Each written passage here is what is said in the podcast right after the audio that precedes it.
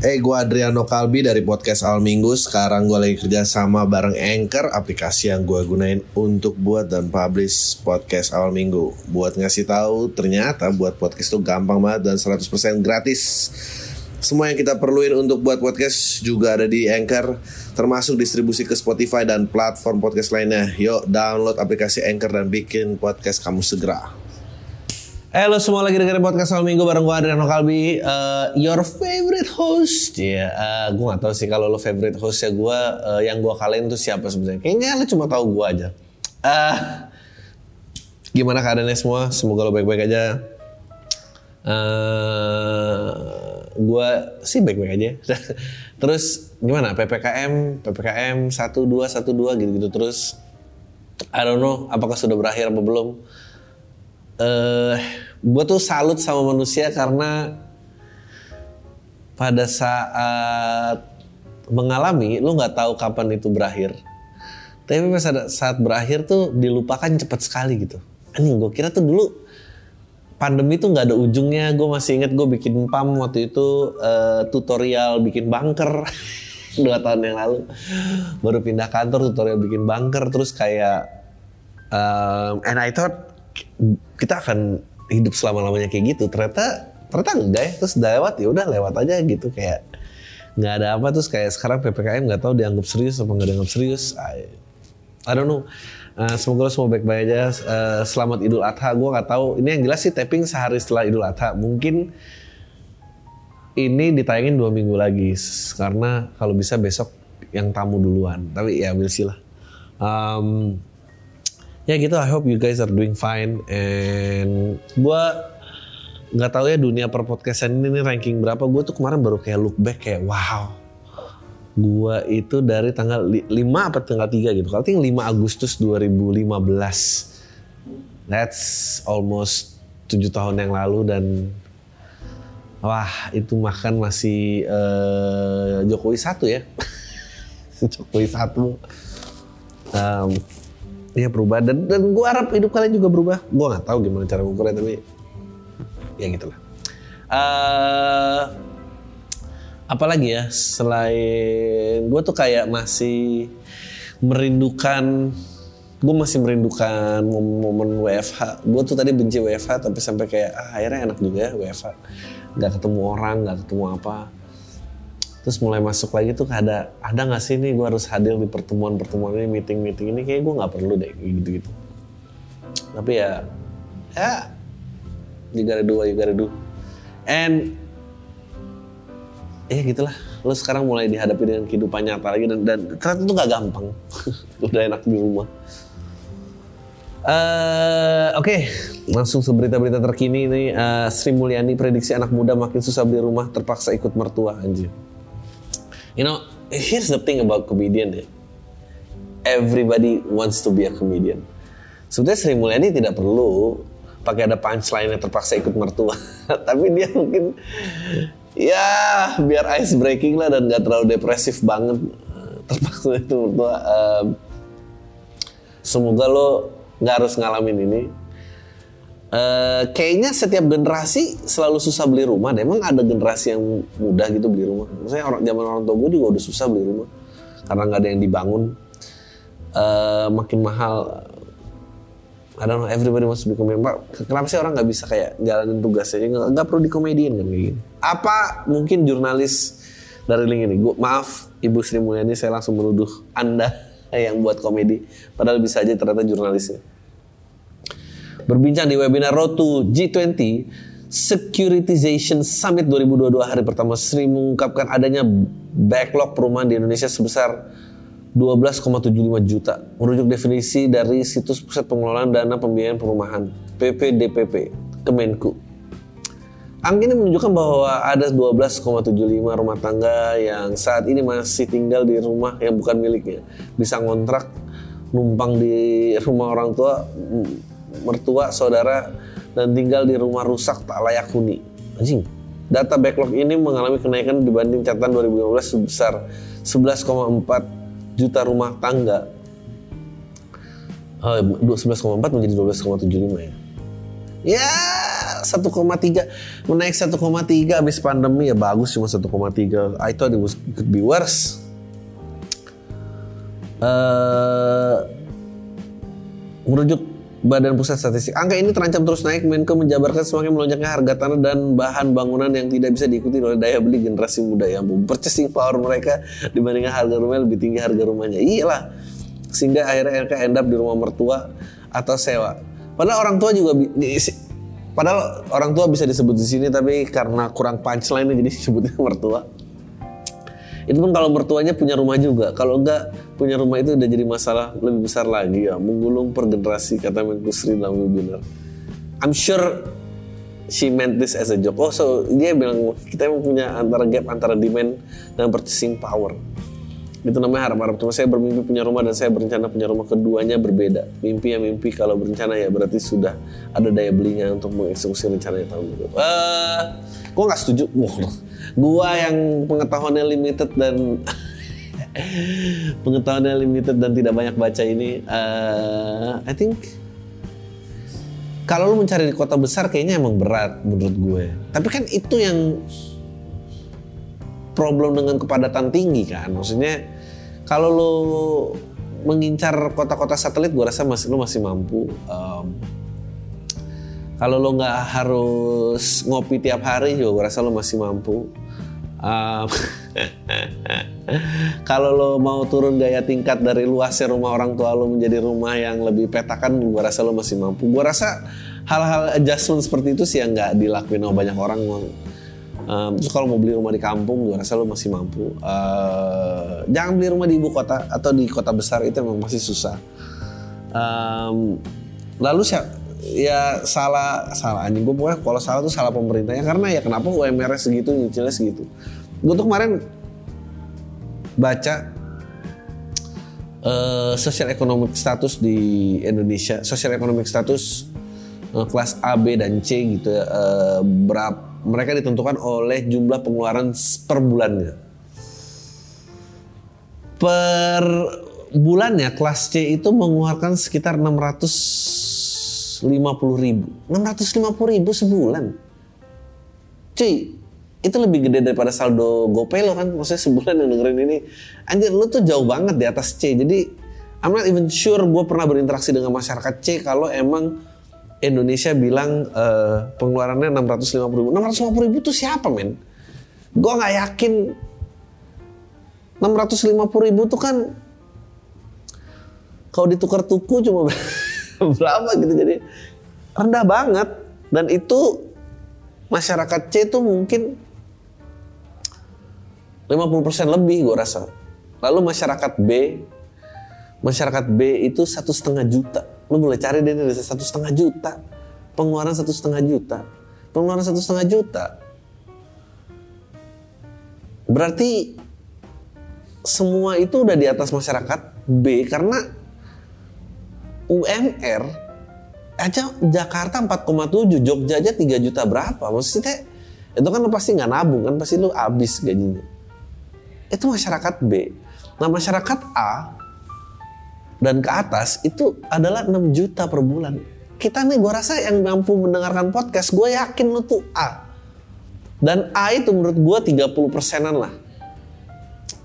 Permasalahannya dari A sampai enam setengah juta sampai 500 juta sebulan itu A semua. Nah ini yang gak fair menurut gue. Ini yang harus dikaji ulang. Sebetulnya masyarakat menengah itu siapa? Jangan-jangan mestinya B itu 6 juta dan di bawah empat setengah juta itu C dan A itu 10 juta. 10 juta aja masih banyak banget. Gue rasa kalau misalnya Jakarta ya, Jakarta tuh lo berkarir lima tahun lebih lo pasti 10 juta sih gajinya.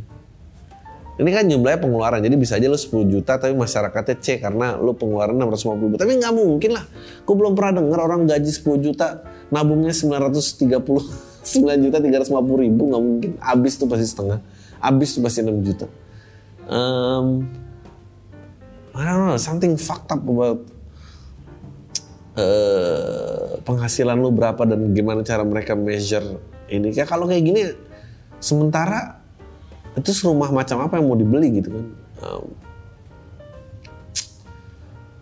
gua rasa datanya lebih besar pasti. Gue yakin cuma 12,4 juta. 12,4 juta seluruh Indonesia yang nggak mau beli rumah numpang sama orang tua atau mertua.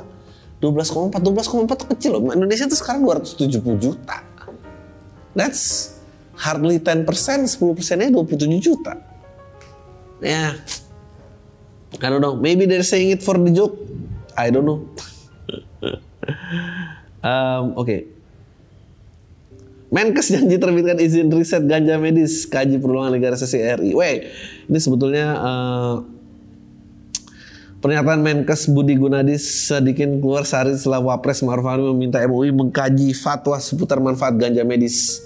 Di tengah kunjungan Presiden Jokowi ke Eropa, suasana dalam negeri ingar-bingar kemajuan diskusi tentang gajah medis. Sehari setelah Wapres, Maruf membuat pernyataan mengejutkan dengan meminta Majelis Ulama Indonesia membuat fatwa mengenai gajah medis. Uh, Lala tapar Oke. Sebetulnya buat orang-orang yang merasa progresif kan gue udah prediksi kan mereka tuh lagi menebar-nebar isu. Isu mana yang bisa dikapitalisasi untuk menjadi kendaraan di pemilihan presiden 2024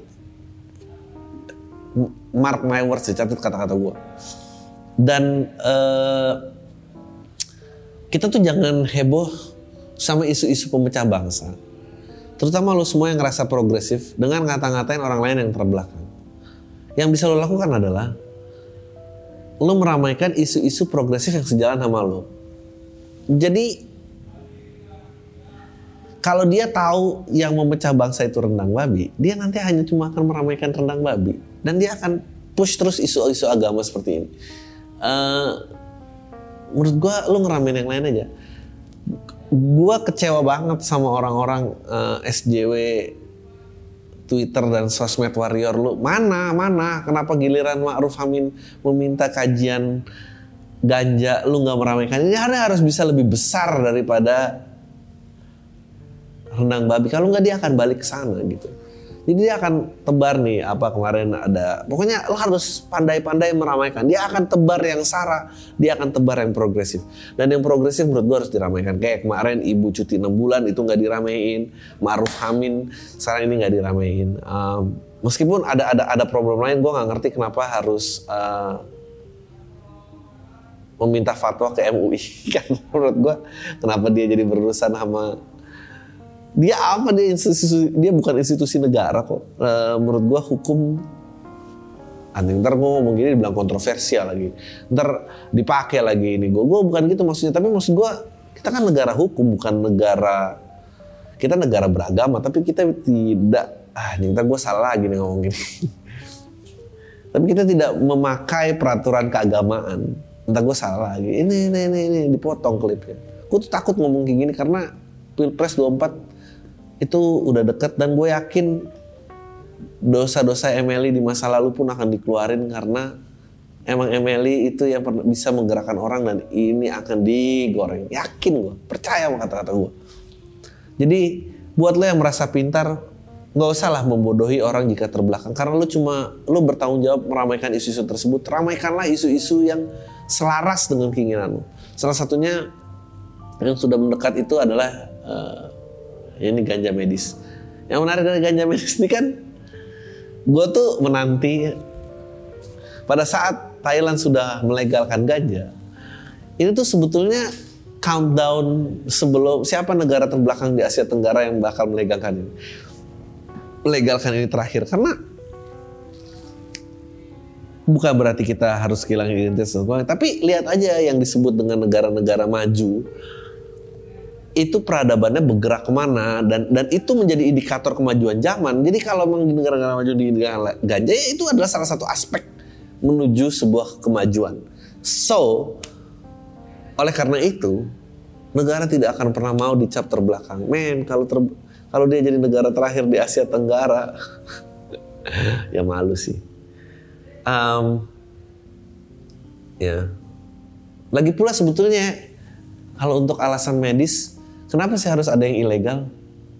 kenapa harus ada yang haram? Gue nggak mengerti maksudnya eh bukannya bro kalau gua buta nih terus dia bikin mata robot tiba-tiba bisa ngelihat ya gue pakai sih gue nggak pakai nunggu gue nggak pakai nunggu kajian-kajian legal dan tidak legal. Menurut gue yang bisa mendukung kehidupan lebih baik atau apalagi keselamatan nyawa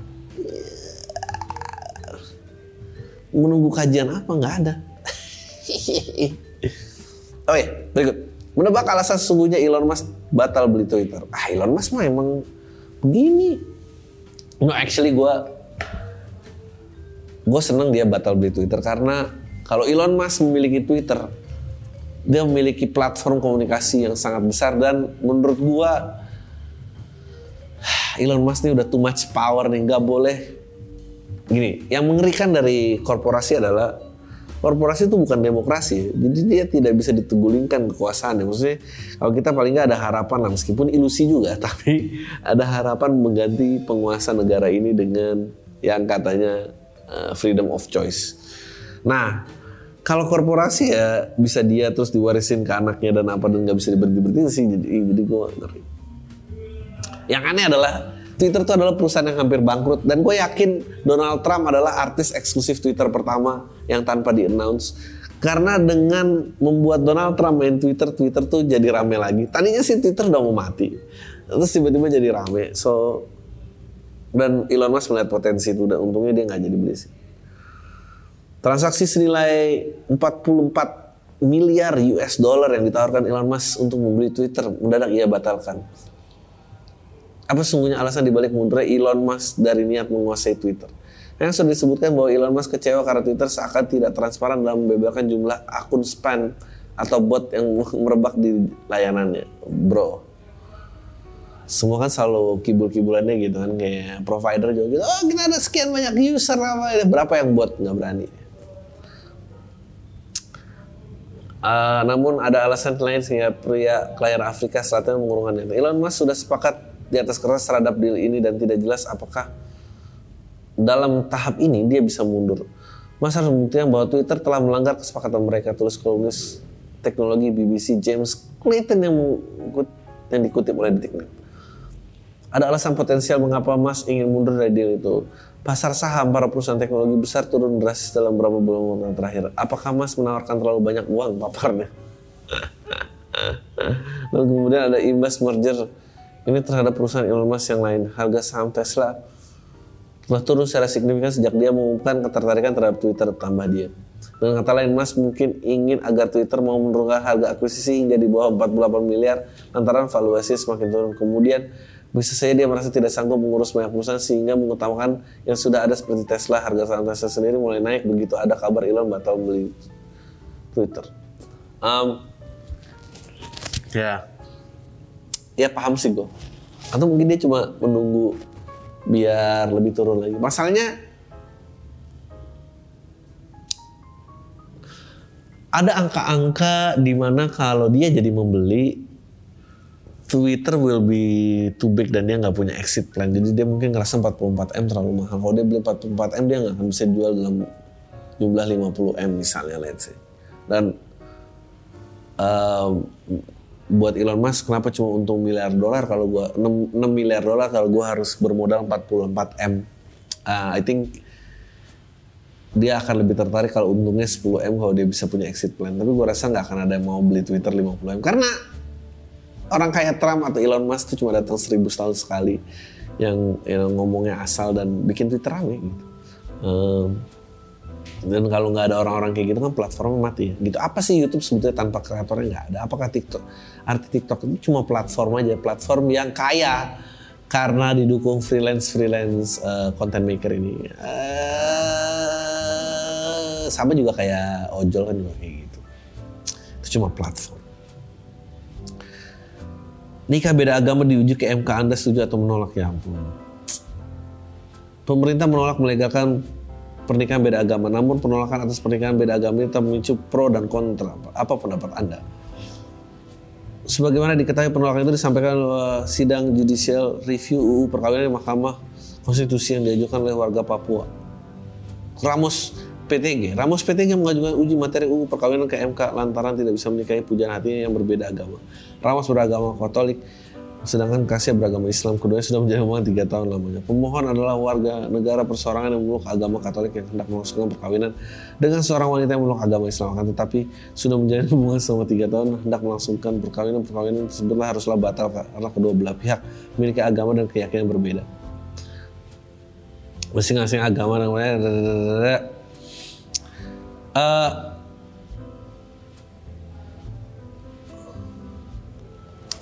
gue rasa ya uh, apa ya? Yang ribet adalah gue nggak tahu ya gue nggak gue agak kurang paham sih sebetulnya. Bukan dari, dari dulu banyak kan orang kawin beda agama maksudnya ada gue harus ada yang bisa jelasin sih kayak beda agama beda pernikahan agama dengan uh, waktu itu boleh di catatan sipil. Ya udah catatan sipil aja kenapa harus ini? gitu. Sehingga tidaklah mungkin di negara berdasarkan Pancasila dan UUD 45 atas dasar hak asasi manusia dan kebebasan dan kebebasan untuk melakukan perkawinan beda agama dan kepercayaan karena bisa jadi pelaksanaan perkawinan berbeda agama dan kepercayaan justru melanggar hak konstitusional orang lain yang harusnya dihormati. Ah, ada udah deh negara tuh nggak usah ngurusin siapa mau tidur sama siapa, siapa mau kawin sama siapa. Aduh heran banget. Nih, ini juga nih lanjutannya. RUU, RUU KUHP draft 4 Juli beredar ada pasal-pasal yang mengancam bermasalah mengancam hak, di, hak kita. Ini juga salah satunya uh, kumpul kebo dan segala macam ya. Uh, gue lihat tuh yang kumpul kebo itu bisa dipidanakan kalau ada aduan dari orang tua atau anak. Menurut gue tuh make sense gitu. Make sense. Jadi misalnya kalau orang tua ada anak yang tinggal sama orang lain. Tapinya adalah menurut gue harus ada umur di mana hubungan anak dan orang tua itu berakhir di usia tertentu. Di luar negeri, Australia 18, Amerika 21. Pada saat mereka memilih meninggalkan rumah tanpa pamit sama orang tua, orang tua melapor itu tidak bisa dikasuskan sebagai penculikan karena orang dewasa telah memutuskan dirinya untuk pergi dari tempat itu dan itu tidak bisa diganggu. Menurut gua anak dibawa itu dibawa karena kita usia dewasa adalah 17 adalah 17 adalah angka terakhir. Pada saat dia 17 plus 1 dan dia memutuskan tinggal bareng sama orang tua, mestinya aduan orang tua itu tidak bisa dipenuhi. Menurut gue. Karena gimana pun juga orang itu udah dewasa.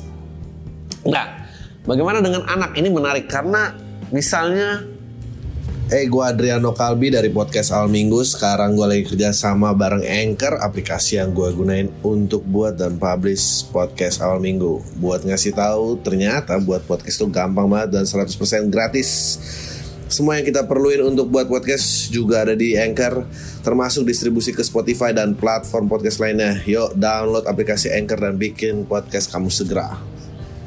Ya kalau misalnya perselingkuhan di, istri punya anak terus selingkuh sama orang terus anaknya nggak terima itu sih menurut gua itu namanya melanggar pasal pernikahan itu susah.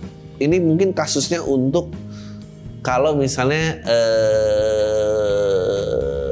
perempuan bawa anak dia nggak setuju dengan eh, pacar baru ibunya gitu dan tinggal bareng. Menurut gue itu make sense. Anak boleh mengadukan orang tuanya karena gimana? Sampai anak itu berumur 17 juga menurut gue sampai anak itu umur 17 kewajiban orang tua terhadap anaknya itu dianggap selesai. Dan anak tidak boleh protes lagi kalau misalnya ternyata ibunya pengen pacaran lagi. Menurut gue itu fair. Kalau enggak gila loh. Kasihan banget kalau misalnya masa ada anak 20 tahun mau ngaduin ibunya yang 50 tahun? Menurut gue nggak fair lah. 20 tahun ya lu cari aja hidupnya sendiri. Harus ada sih menurut gue garis nyatakan di mana orang itu dewasa dan apa pun yang dilakukan itu berdasarkan kepilihan dia. Gua kebayang kalau misalnya tiba-tiba ada suami yang punya anak lima tahun dia tidak pengen ayahnya menikah lagi. Dia boleh melanggar eh, atau ayahnya pacaran lagi maksudnya ini tinggal bareng ya tanpa menikah. Dia mengajukan keterberatan yang menurut gue itu make sense. Karena orang tua terlikat terikat kewajiban terhadap anaknya. Tapi kalau anaknya udah di atas 17 tahun sih menurut gue nggak boleh sih ngadu orang tuanya. Anjing cepu banget loh lo kan juga udah gede anjing Oke. Okay. Ada contoh mengkritik harus disertai solusi. Tidak boleh menghina presiden. Gak bisa bro. Kalau kita tahu polusi solusinya eh, kita aja yang menjabat lah. Gimana sih? Praktisi hukum pidana menilai naskah RUHP dilaksanakan pemerintah ini penuh pasal karet itu ini mengecewakan banget, mengecewakan deh. Pemerintah secara simbolis menyerahkan rancangan undang- kitab undang-undang hukum pidana RUU KUHP ke Komisi 3. Bro, nggak bisa bro balik lagi. Mau menghina mau apa ya pemerintah tuh kerjanya dikritik dan dihina lah. Kalau kita tahu solusi akan masalah negara ini ya gua aja yang menjabat. Kenapa dia jadi nggak bisa bro? Ini kayak gini tuh kok kita kok kita mundur lagi sih gitu? Nah yang kayak gini-gini menurut gua lebih baik kita bersatu padu meramaikan isu ini. Maksudnya janganlah kita terbelah-belah sama isu-isu separatis. Ini aja bro. Oke cukup let's go to the questions. Um, uh, apa? Wait wait wait wait wait. Oke. Eh, bro buat lo yang masih pengen ngirim, ngirim email eh, kirim aja ke podcastalminggu@gmail.com Eh, if I can kalau gue ketemu gue bacain. Karena gue seneng. Gue seneng banget sama email-email kalian yang rela dibodoh-bodohi. Sama gue kira gue gak ngerti sih. Nah, jatuh cinta sama wanita open BO tiap hari. Gue tuh berusaha membahas sesuatu yang intelek. Kalian selalu datang dengan kayak gini. Jangan sebut nama gue seekor pria berumur 26 tahun yang udah punya istri. Gokil. Udah punya istri jatuh cinta sama open WO. Oke, gue kerja di perusahaan swasta dan punya sampingan sebagai ojol. Gokil. Ojol pun masih. Lu pernah gak sih kalau situasi kayak gini, lu bertanya kenapa hidup lu sulit terus dan ujian lu banyak karena lu berdosa terus gimana sih bro? Bu ya Nah, jadi gini bang, gue sempat bertanya-tanya ke diri gue, cara ngebedain mana yang disebut rezeki sama ujian tuh kan, bener kan gue? Gue ambil contoh kecil, misalnya gue nemu uang di jalan yang gue nggak tahu siapa pemiliknya. Kadang saat gue berada di momen ini gue selalu bingung bertanya, manakah yang disebut rezeki dan ujian? Kadang gue mikir ini mungkin ujian dari Tuhan. Kalau dipikir-pikir ya emang rezeki aja gue nemu uang di jalan tanpa KTP atau dokumen lain penting lain. Gue pengen tahu insight lo, bang, gimana cara ngebedain ini rezeki atau ujian? Karena kali ini pas gue nemuin seorang wanita janda yang open BO pas gue lagi ngojek gokil. Singkat gue deketin lah dia terus gue ajak ngopi di kafe ala-ala gitu di situ kami banyak ngobrol itu ternyata kami banyak kesamaan gokil. Sama-sama susah, sama-sama diam-diam, sama. Yang membuat gue jatuh hati pada dia umur 30-an ya, dan ini baru pertama kalinya gue jatuh cinta sama orang yang lebih tua daripada gue. Setelah itu kami balik ke kosannya, terus akhirnya kami dapat, ya, gue dapat ML gratis dari dia goblok. Caranya lebih, aduh, bro, gak usah lah banding bandingin sama istri lo, gak usah. Jadi, jangan men, jangan men. Uh, gue pernah nasihat teman gue, brengsek boleh kurang ajar jangan. Dan itu nasihat yang bagus. Menurut gue harus ada garis di mana kita tuh berperilaku sebagai manusia khususnya laki-laki. Brengsek boleh kurang ajar jangan bro. Jangan udah selingkuh terus bandingin sama istri jangan bro. Itu kurang ajar namanya. Itu kurang ajar bro sebetulnya ceritanya masih agak panjang gue pengen lanjut email part selanjutnya tapi nggak tapi nggak mau gue yakin karena jawabannya takut diserang SJ sama feminis bro lu nggak perlu SJW dan feminis untuk menyerang lo sih, gue juga pengen nyerang lo. Ya coba kirim lagi lanjutannya gue pengen tahu. Uh, jangan bro, hidup nih banyak yang perlu diperjuangkan. Janganlah apa yang dibangun tuh dihancurin dengan kenakalan diri sendiri. Jangan. Uh, maaf maaf nih ya, orang punya perusahaan besar aja berselingkuh, perusahaannya bisa dihancurin bro. Sekejap dengan selingkuhan apalagi ojol. Anda nih belum ada yang dibangun aja sudah hancur hidupnya. Jadi janganlah hidup masih panjang umur 26 bro. Bokap gue tuh 72 masih hidup. Hidup lu masih tiga kali lagi kayak begini. Ini baru sepertiganya bro jangan bro. Gue bukan yang mau sok bijak tapi beneran deh. Gue bukan gak sok bijak sih. Gue bilangin aja. Eh gue rasa brengsek boleh kurang ajar. Jangan tuh. Itu adalah garis yang bagus sebagai manusia untuk lo bersikap. Biar lu bisa naker. Bukan cuma perbuatan tapi perkataan lu tadi. Kalau otak lu udah di sana janganlah diucapkan juga gitu. Pakai bilang aduh bandingan sama istri jangan men. Oke next kisah first love si cupu. Sebetulnya emang kalau udah ngemail ke sini sih udah pasti cupu sih. Ah gue mau singkat.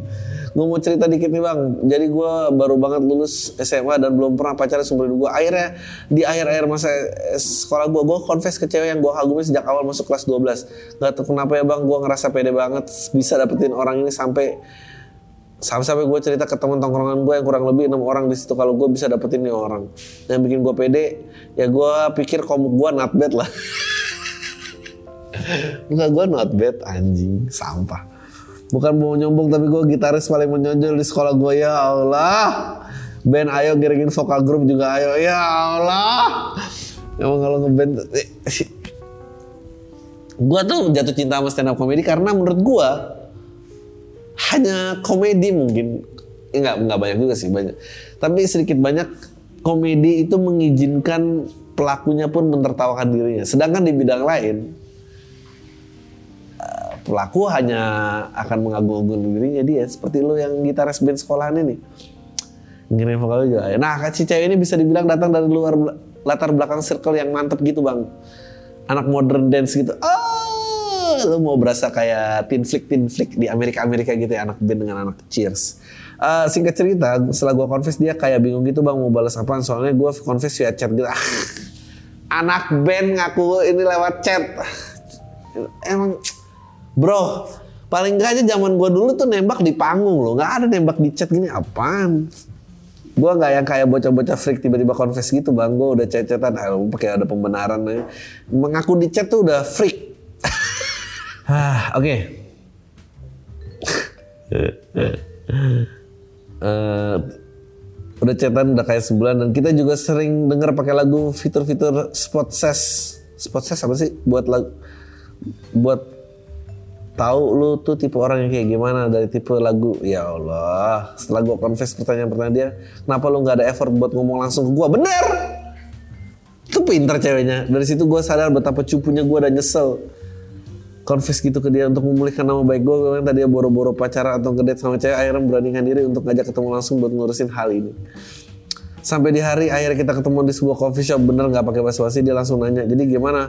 Abis ngomong gitu udah lega. Sontak gue di situ kaget. Ya gue bilang bilang aja lega. Gue sih nggak nyangka sih bang dia bakal seberani dan to the point gitu ya lu ngerasa keren sendiri? Ya mampus lah. Yang anjing. Ya, omongan tadi di awal gue bilang gue pede bisa dapetin dia malah nyampe ke nyampe dong ke kuping dia. No iya makanya nolak. Lu bilang brengsek boleh kurang ajar jangan. Lu bilang lu bicara tentang perempuan seolah-olah dia milik itu. Kurang ajar men kuping dia terus dia langsung nanya oh ya gue denger lo katanya PD bisa dapetin gue kenapa lo bisa dapetin ngomong itu? Dalam hati gue dasar temen kontol gue cerita begitu gue pikir bisa jaga rahasia. Gue bingung bang mau jawab apa? Gue jawab berani ngomong gitu. Karena gue mau usaha. Pokoknya abis itu gue setengah jam pertama dikeker pertanyaan menohok dari dia. Dia tuh kayak nggak percaya deh kalau dia doang orang yang gue deketin padahal emang cuma dia doang. Oke setelah 30 menit menegakkan itu mulailah gue ngeliat topik dan akhirnya kita sepakat belum bisa pacaran. karena beberapa faktor-faktor yang paling besar karena kita sama-sama belum dapat kampus anjing nggak faktor paling besar adalah maksudnya adalah lu nembak dari chat dan lu sesumbar sebelum nembak itu dia cuma nggak tega aja ngomong itu sama dia uh, Apaan faktor paling besar kita sama belum dapat kampus penolakan macam apa itu? Mendingan lu bikin lagu tentang ini. nggak tahu kalau udah dapat kampus gimana. Terus kayak kita sepakat buat nggak saling canggung dan mungkin bisa ingat lagi setelah kamu bang gue minta saran lo bang. Sebenarnya pas kemarin gue sama dia ketemuan itu gue pengen banget nanya lu suka juga nggak mau gue tapi gue takut bang gue nggak siap. Ah goblok. Dia jawab kalau dia jawab enggak gue bisa nangis. Anjing katanya lu gitaris paling keren. Uh, kira-kira next kalau gue yang ketemu dia perlu gue tanyain nggak ya sama menakwa hati wanita buat ada losers kayak gue ada masukan nggak buat losers kayak gue uh, masukan buat losers banyak tapi yang kayak lu sih nggak bisa diselamatin.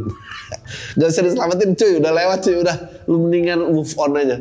Percuma. Mendingan lu balik minta maaf kalau gue begitu dan gue nggak tahu gimana cara mengembalikan kepercayaan lo sama gue uh, ya udah udah habis itu doang. Sisanya lillahi ta'ala ya. Tolol. Kerja bareng bapak-bapak pecundang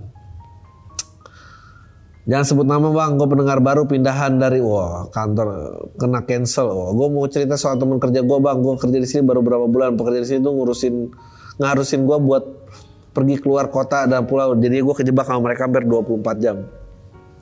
24/7. Temen gue ini dua orang yang satu umur 30-an, satu umur 40-an. Nah, 40-an ini bang rese banget bang. Dia kerja di sini dari lama tapi nggak pinter-pinter kerja semua seringnya pasrah sama temen gue yang lebih muda. Tapi masalahnya ini orang pengen banget kayak ngelit tapi dianya kagak mampu jadi sering ngelakuin hal yang kagak guna. Contohnya nih kayak temen gue yang 30 tuh nyuruh gue ambil barang. Nah pas gue mau ngambil jalan dia ngomong, eh ambil tuh. Ya kan gue lagi jalan buat ngambil barang anjing. pada selesai makan terus mau cabut gue lagi masukin barang barang satu persatu ke atas terus dia nyeletuk HPmu kalau ngingetin HP ku jangan sampai ketinggalan dong. Itu kan HP depan mata gue bakal gak bakal ketinggalan. Ya ampun. Eh pas baru ya bentar ternyata HP dia yang ketinggalan. Ya Allah kasihan ini bapak-bapak. Bapak-bapak nih udah deket-deket pensiun. Aneh lah pokoknya dia ini tipe pecundang yang gak pernah punya gak punya banyak cerita hidup. Jadi dia sering ngulang-ngulang yang udah dia ceritain. Ya Allah sedih banget. Anjing gue dulu kayak gitu loh gue kayak gitu gue punya keresahan yang sangat tinggi dan gue bisa cerita hal yang sama dengan keexcitementan yang sama tapi ini orang kalau orang udah tahu nggak punya banyak cerita tapi kalau ngobrol ngebahas itu aja kita pasti motong pakai. Kalau gue gue udah pernah menurut lo anjing ribet banget nih. Kagak tahu diri bener. Menurut gue harus gimana bang? Buat marahin juga dia yang lebih tua. Mau di masalahin juga masalahnya cuma sepele tapi lama-lama nyebelin. Nggak bisa bro. Lu nikmatin aja bro dan cuma bisa diledek-ledekin doang. Dan itu uh, ya itu namanya orang udah tua ya. Udah nggak bisa belajar yang baru. Dan anjing gue jangan sampai di 40 ntar gue 40 fuck. Oke. Okay. semoga lo baik-baik aja. Wih gokil nih. Selingkuh dari zaman kuliah sampai hamil muda. Edan! Gue cowok umur 27 mau share cerita hubungan terlama gue sama satu cewek mungkin agak panjang. Tapi kalau udah dibaca nggak sepanjang itu bang. Ya ini bikin panjang anjing. Cepetan tulis. Jangan digini-giniin. Sama pertanyaan gue di akhir adalah lu punya nggak sih bang rahasia yang lu kubur dalam-dalam dan nggak lu kasih tahu siapa pun kecuali diri lu sendiri? Adalah Hope you enjoy it. Oke, okay, diawali dengan gue ngereketin cewek ini zaman kuliah semester awal. First date biasa aja. Kita nonton dan makan doang, lalu ngobrol biasa. Tapi ada satu momen pas lagi PDKT, di mana saat itu gue lagi sakit dan nggak balas chat dia lama banget. Terus dia nanyain gue ke semua teman-teman deket gue, eh si X ke mana ya? Aku ngechat gak dibalas-balas. Dia tanyain itu ke semua temen gue, bahkan temen yang gak deket-deket amat sama gue. Di situ gue mulai risih, jelas, soal aku ya. Dan merasa apaan sih belum jadi aja udah sounding ke mana-mana. Ya elah belagu lu kayak cakep aja. udah masih bagus sakit ada yang nyariin anjing. Tapi gue tetap coba buat ajak jalan dan nonton berapa kali sampai akhirnya pas lagi nonton yang kesekian sama dia, gue make a move ke dia biar ada momen kulit ketemu kulit ya lah berawal dari pegangan tangan rangkul sampai ciuman habis dari momen first kiss itu dia mulai nanya jadi kita nih gimana? Gue jawab dengan template kita jalanin gini dulu aja ya klasik. Ya yeah, beberapa bulan setelahnya gue masih sering ngajak dia nonton begitu mulai sebaliknya dia juga sering ngajak duluan. Yang berujung ciuman tentunya ya Allah. Tapi di setiap momen setelah nonton gue nggak banyak ngobrol sama dia. Gue males karena dia lebay cerewet banget. Ya Allah. Lu cerewet sih lu sikat juga. Ah sering-sering manja-manja gitu sampai akhirnya dia bilang udah nyaman dan udah ada rasa sayang gue jawab iya aku juga nyaman sama kamu. Tapi untuk sayangnya kayaknya belum deh anjing alias emang nafsu doang pengen enaknya doang. Habis itu dia mulai ngejawab pelan-pelan dan gue pun paham kenapa. Akhirnya gue pacaran dengan cewek lain dan kita pun lost contact untuk beberapa saat. Long story short gue putus sama pacar gue dan gue coba ngubungin dia lagi anjing di sini posisi cewek itu lagi deket sama cowok lain tapi gue coba ajak nonton lagi dan dia masih mau. Sampai akhirnya dia jadian sama cowok itu dan itu akhirnya gue harus stop ngajakin dia nonton lagi. Tapi ternyata dia malah ngajak gue nonton. Tentunya gue iyain dong Tapi karena dia udah punya pacar, gue sengaja cari bioskop di mall pinggir kota yang jauh dari tempat nongkrong anjing biar gak game ya. Nongkrong orang-orang supaya nggak ketemu sama teman-teman kita berdua anak kampus yang bisa ngenalin kita berdua. Akhirnya ketemulah mall pinggiran kota yang punya bioskop dengan kursi sweet box anjing. Tahu gak sih bang yang kursi juri voice? Tahu cuma berdua gitu. Tahu gue. Lu kesan itu tuh gue tua banget ya nggak tahu apa-apa ya brengsek lu. Yang tentunya berujung ciuman di sini udah resmi kalau gue jadi selingkuhannya dia. Tiap mau nonton gue suruh dia yang beli dan dia yang masuk duluan gue nyusul. Kalau dia ngajak makan gue minta buat beli makan di mobil aja anjing gak pernah dainin sekalipun gokil. Gue suruh dia clean chat history mute chat dari gue intinya gue udah rancang serami mungkin mungkin buat jaga-jaga dan bikin batasan sama dia gokil. Kacau ini jadi rutinitas kita tiap bulan untuk nonton di situ sampai pas bulan puasa kita pun sempet sempetnya maksiat di sana ya Allah bulan puasa, maksiat di bioskop, mau jadi apa? Habis soalnya beduk nggak mau bukaan garing, nggak itu gue namain. um, buka puasa pakai ciuman tuh kan bener kan? Norak nih kita bawa air mineral sama roti ngecek azan di HP itu Allah malah untuk goblok. Men ini tuh gue yang baca gue bisa kena penistaan agama padahal lu yang tulis nih. Minum air nyobek roti minum lagi habis itu ciuman. Airnya udah gak usah ditulis gue gak perlu detail yang anjing gue udah tua nih lihat-lihat yang kayak gini rutinitas nonton ciuman ini dan lainnya berlangsung bertahun-tahun dari zaman kuliah. Dia kerja gue belum lulus sampai akhirnya gue punya kerjaan tapi intensitas jadi nggak tiap bulan karena gue jarang buat ngajak duluan kita ketemu kalau dia yang lagi pengen. Tibalah oh, di covid 2020 fuck ini udah tahu berapa anjing?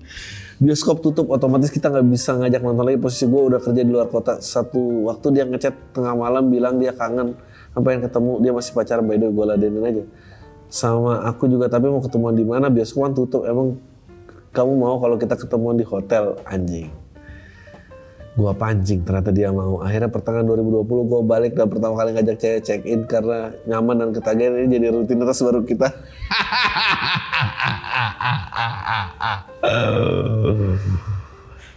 Uh, jadi check in tiap jadi rutinitas baru kita yang awalnya maksiat di bioskop jadi check in di tiap 2 atau 3 bulan sekali. Hal ini berlanjut sampai tiba-tiba dia mau tunangan sama pacar kita memutuskan untuk perpisahan terakhir anjing, perpisahan terakhir pakai kutip anjing. Gua komit ke diri sendiri kalau dia udah punya tunangan gua nggak bakal ganggu lagi sekaligus ngajak ketemu. Kita check in dan sekaligus say goodbye buat terakhir kalinya goblok. Akhirnya dia nikah dan beberapa lama kemudian ngabarin kalau dia hamil bukan buat tentunya gue sebelumnya bilang komit nggak bakal ngajak lagi tapi akhirnya cewek ini ngajak duluan dan ternyata gue nggak sekomit itu bang karena dia ngajak ngajak runtuhlah pertahanan gue dan mengiyakan rutinitas check in kembali terulang anjing dari dia hamil sebulan sampai dia hamil hah wah wah wah wah wah wah wah wah wah wah wah gokil akhirnya gue tega gue pas lagi in the bareng dia tiba-tiba ngelamun anjir ini manusia ada, ada anjir ini manusia di dalam perut udah gede banget. Di situ gue sadar bahwa gue harus stop mengiyakan ajakan dia walaupun sebenarnya gue masih kepengen dan gue sadar kalau udah terus ngelamun pasti ketahuan dan chance untuk ketahuan makin besar karena dia lagi hamil. Aduh ya Allah ngapain lagi hamil-hamil keluar tengah malam-malam? Dan sering berpergian sendiri. Akhirnya gue memutuskan hubungannya dan bilang sama dia bahwa dia harus ngurusin ke dia harus ngurusin keluarga kecilnya ini. Keputusan dia buat nikah dan punya anak harusnya udah jadi barrier buat dia nggak ngontak gue lagi walaupun gue yang ngubungin duluan harusnya itu pun jadi alasan dia untuk nolak buat gue ampun. Terakhir yang gue tutup pertanyaan bang ini ada rahasia terbesar dalam hidup gue pertanyaan gue ke lo ada nggak sih rahasia yang lo kubur? Dalam kalau suatu saat nanti gue menikah apa gue perlu kasih tahu rahasia ini ke calon istri gue atau gue kubur aja dalam dalam istri gue anjing goblok apa lo?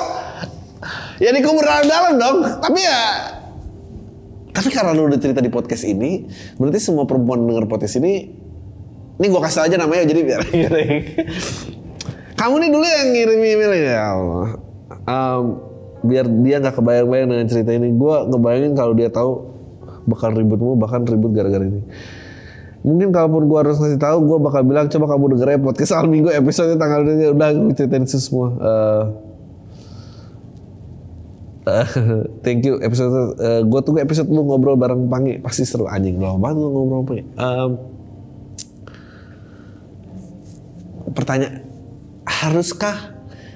Kamu ide ideal seideal idealnya ya, menurut gua pasangan yang baik tuh pasangan yang sama-sama bisa menerima masa lalu seseorang. Itu yang ideal ya. Eh, jadi tidak ada rahasia-rahasia di masa lalu yang akan mengejutkan di masa depannya. Eh, tapi tapinya adalah semua dengan kedewasaan yang sama nggak gitu. Menurut gua sih harapan lo satu-satunya adalah membuka ke pasangan lo coba cerita rahasia terparahnya dia. Terus coba nih lu ukur rahasianya separah rahasia lo nggak? Kalau dia pernah bilang kayak ya gue pernah ini apa gugurin atau apa sih ini gue nggak jadi. Nah kalau emang sama parahnya ya lu bisa lah keluarin rahasia ini. Tapi kalau ceritanya dia cuma kayak ya aku pernah jadi selingkuhan orang ini udah diem aja bawa mati aja sama diri lo udah itu dari gue tanya lu semua. Deh